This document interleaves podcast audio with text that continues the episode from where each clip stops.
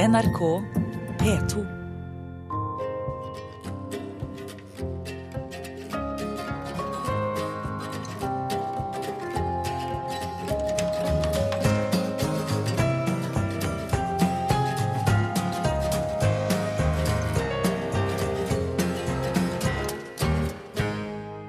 Velkommen til Sommer i P2. Mitt navn er Espen Beranek Holm, og i listen over bidragsytere til denne programserien ser jeg at jeg står oppført som komiker. Selv føler jeg meg ikke videre komisk, men eh, om folk spør meg om hva jeg driver med, så svarer jeg gjerne at jeg spiller gitar og idiot. Det dekker det meste. La meg så kort oppsummere. På 80-tallet visste mange at jeg var fin på håret og hvordan musikken min var.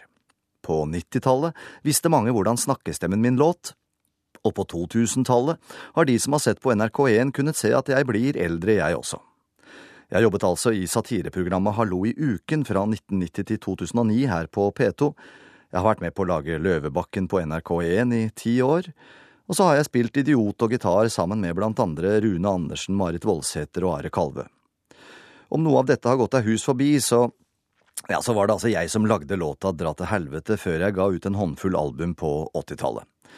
Og om du fortsatt ikke har plassert meg, gjør ikke det så mye. Jeg snakker nå på radioen din uansett, og har fått lov til å fylle de neste drøye 50 minuttene med snakk og musikk. Om hverandre. Om musikk og om snakk. I musikk. Og musikk i snakk. Musikksnakk. Og litt annet. Og så får jeg lov til å velge musikken selv. Det er jeg veldig glad for. Ja, det er ikke noe galt i at andre velger musikken for meg, men ofte når jeg hører på radio, synes jeg musikkvalget fremstår som litt snevert og repeterende. Det skal jeg komme tilbake til, som det heter i de politiske debattene. Et av mine yndlingsband heter King Crimson. Med gitaristen Robert Fripp i spissen har bandet gitt ut en lang rekke spennende album fra 1969 og frem til i dag. Men nok snakk, nå må vi ha musikk, og det skal bli musikk om snakk repeterende snakk.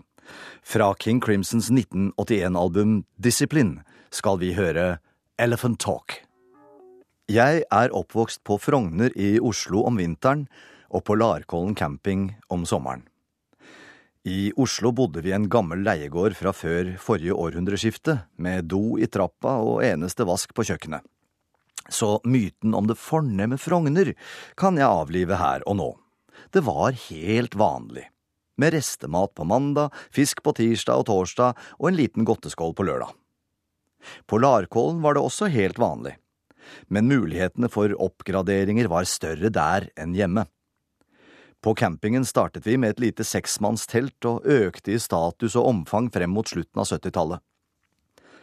Da bodde vi på tre rom og kjøkken i en campingvogn som måtte trekkes av en lastebil når den skulle i vinteropplag. Somrene på Larkollen inneholdt sommervenner, bading, båtkjøring og sene kvelder. Og så hørte vi mye på radio. På Radio Luxembourg, selvfølgelig. Men også på svensk P3. Den kom så mye klarere inn i Østfold enn hjemme på Frogner.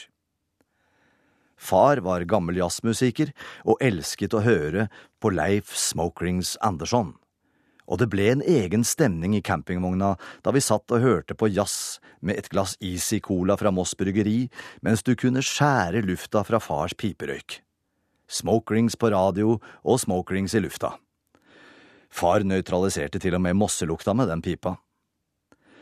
Jeg har hørt mye jazz opp gjennom årene, både med og uten piperøyk, og har nok særlig utviklet et hjerte for storbandjazzen, mye takket være fars forkjærlighet for sjangeren og at han lærte meg å lytte. For å spille jazz har jeg vel ærlig talt aldri fått helt til, selv om jeg har spilt klarinett, i peik på Majorstua skole, på betryggende avstand fra alt som kunne lukte av jazz. For jazz lukter, gjør den ikke?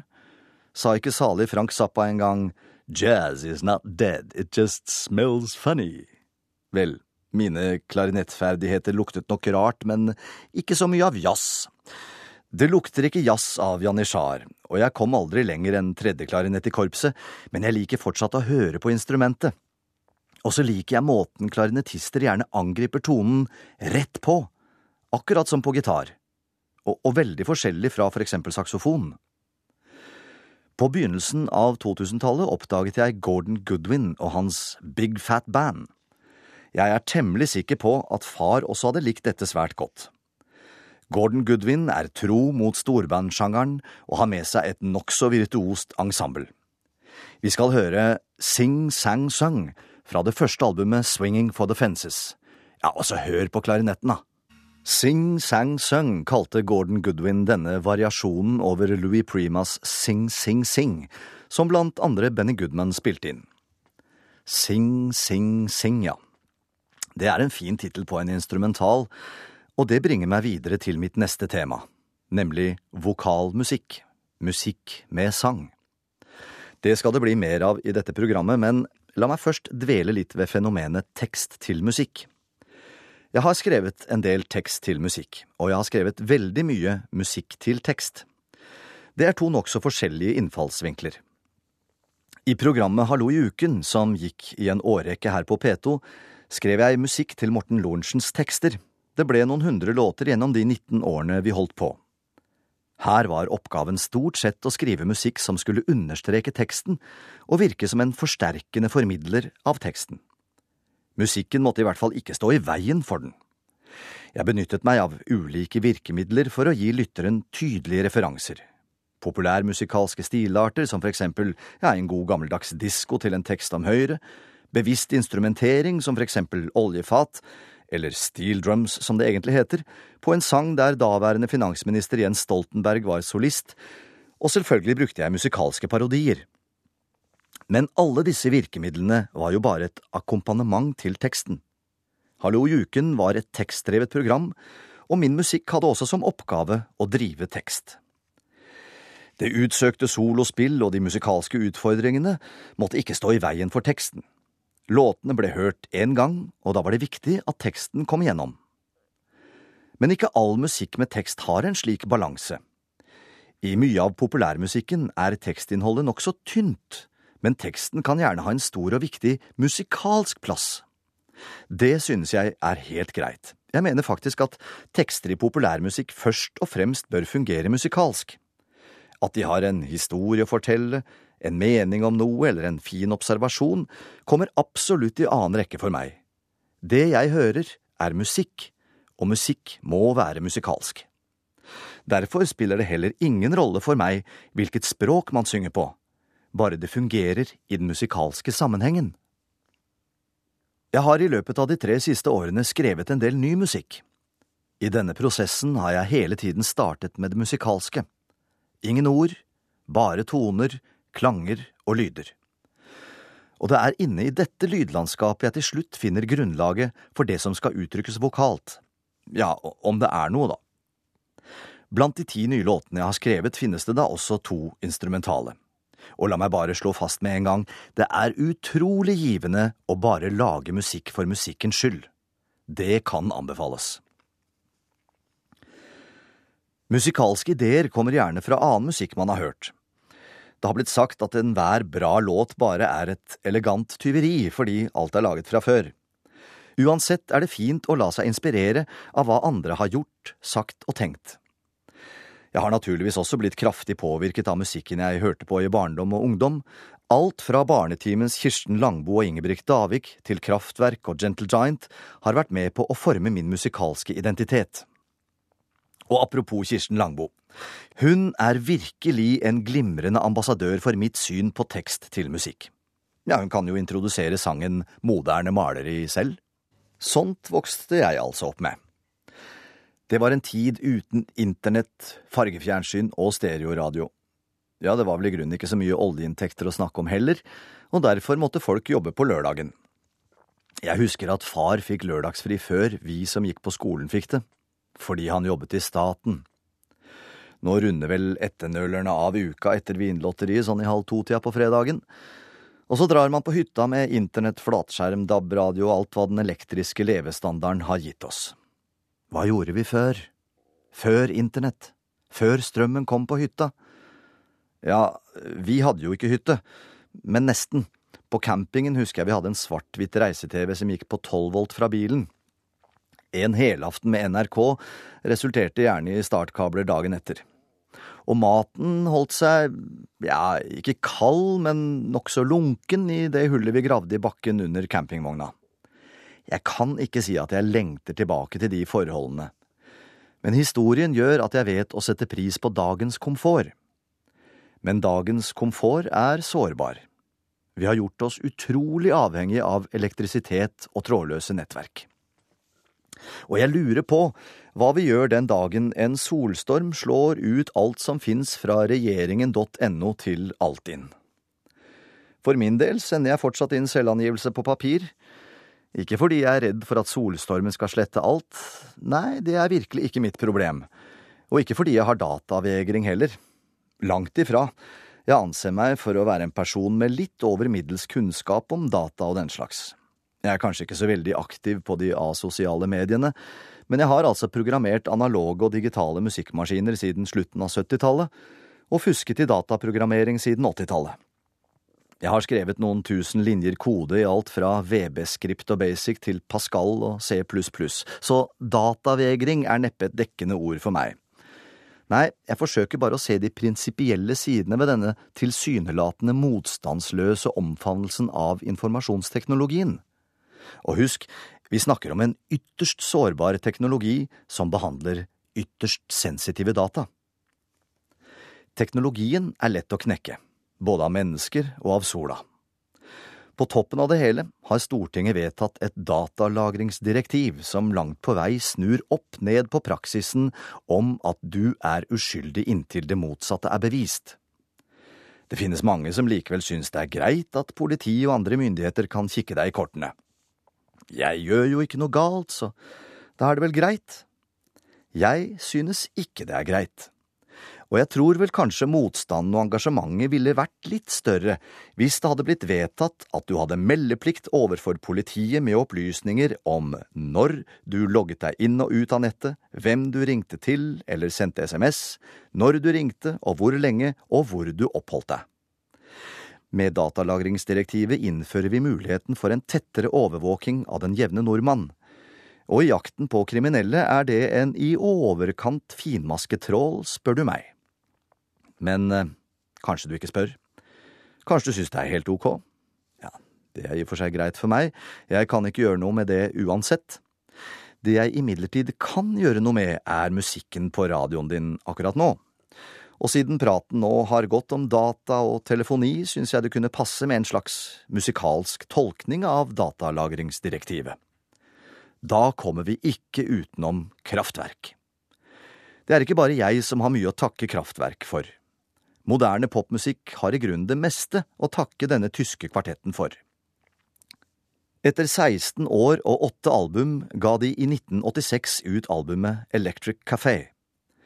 Gruppen brukte nesten fem år på å lage albumet, som underveis blant annet hadde arbeidstittel Teknopop, og for ordens skyld, det var ikke noe som het teknopop på den tiden.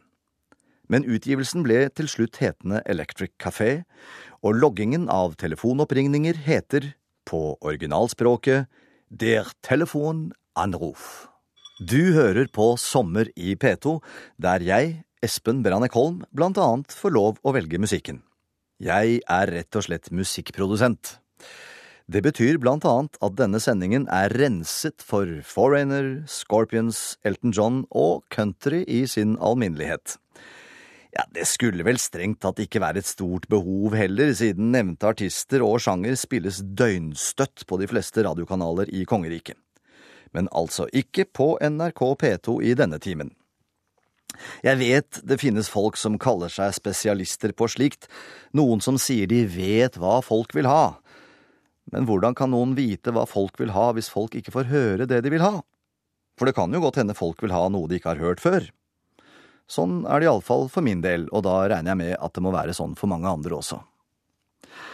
Jeg lener meg nå uansett tungt på min egen platebunke, men jeg prøver også å få med meg en del musikk i levende live. Når man bor i Oslo, kan man lett bli bortskjemt av konserttilbudene.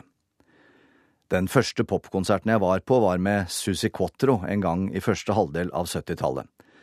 Og det skulle bli flere konsertopplevelser i storsalen på Chateau Neuf. Den jeg husker aller best, er konserten med Gentle Giant 16. september 1976. Jeg var på nippet til å gå og se dem da de gjestet samme scene året før, men jeg syntes ikke jeg kjente musikken godt nok da. Og billetten, ja, den kostet jo hundrevis av kroner, nesten en månedslønn for et stakkars avisbud. Men i 76 gikk jeg altså på konsert, og for en opplevelse det ble. Jeg fulgte bandets utgivelser helt til det siste albumet Civilian som kom i 1980.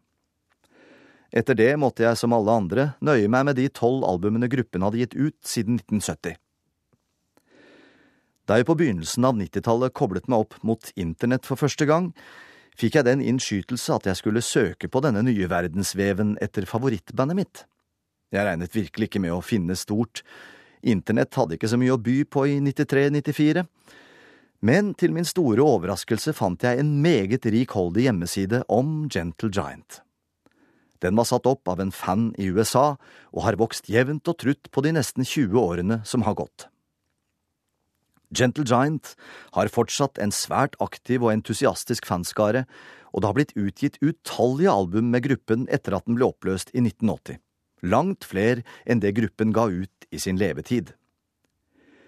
Jeg kunne gjerne spilt Gentle Giant i et helt program. Det er fantastisk mye fint og spennende å velge i.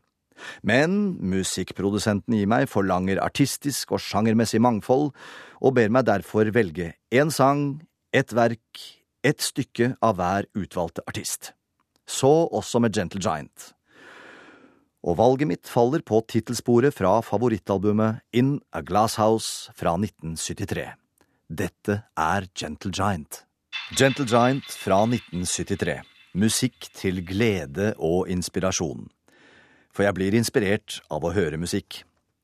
Musikk er som teater.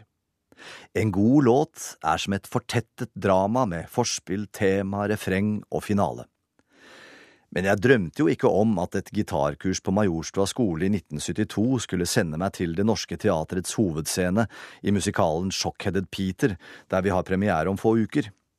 Likevel henger alt dette sammen, musikken og teatret. Jeg begynte altså å spille gitar på et gitarkurs i 72 på Majorstua skole. Jeg hadde en stålstrenget gitar av orkestertypen med stor kropp og F-hull. Bevæpnet med C-dur og G-dur gikk jeg løs på alt fra Middle of the Road til The Beatles. Beatles-katalogen kan spilles på to akkorder, men særlig pent er det ikke, og det lander nokså langt unna Lennon og McCartneys intensjoner, vil jeg mene. Men akkordvokabularet økte, og inntektene fra budjobben for Aftenposten tillot kjøp av en elgitar. Det ble en kopi av den Gibson-gitaren som Michael Bruce i Alice Cooper-bandet brukte, med vibbarm og gode greier.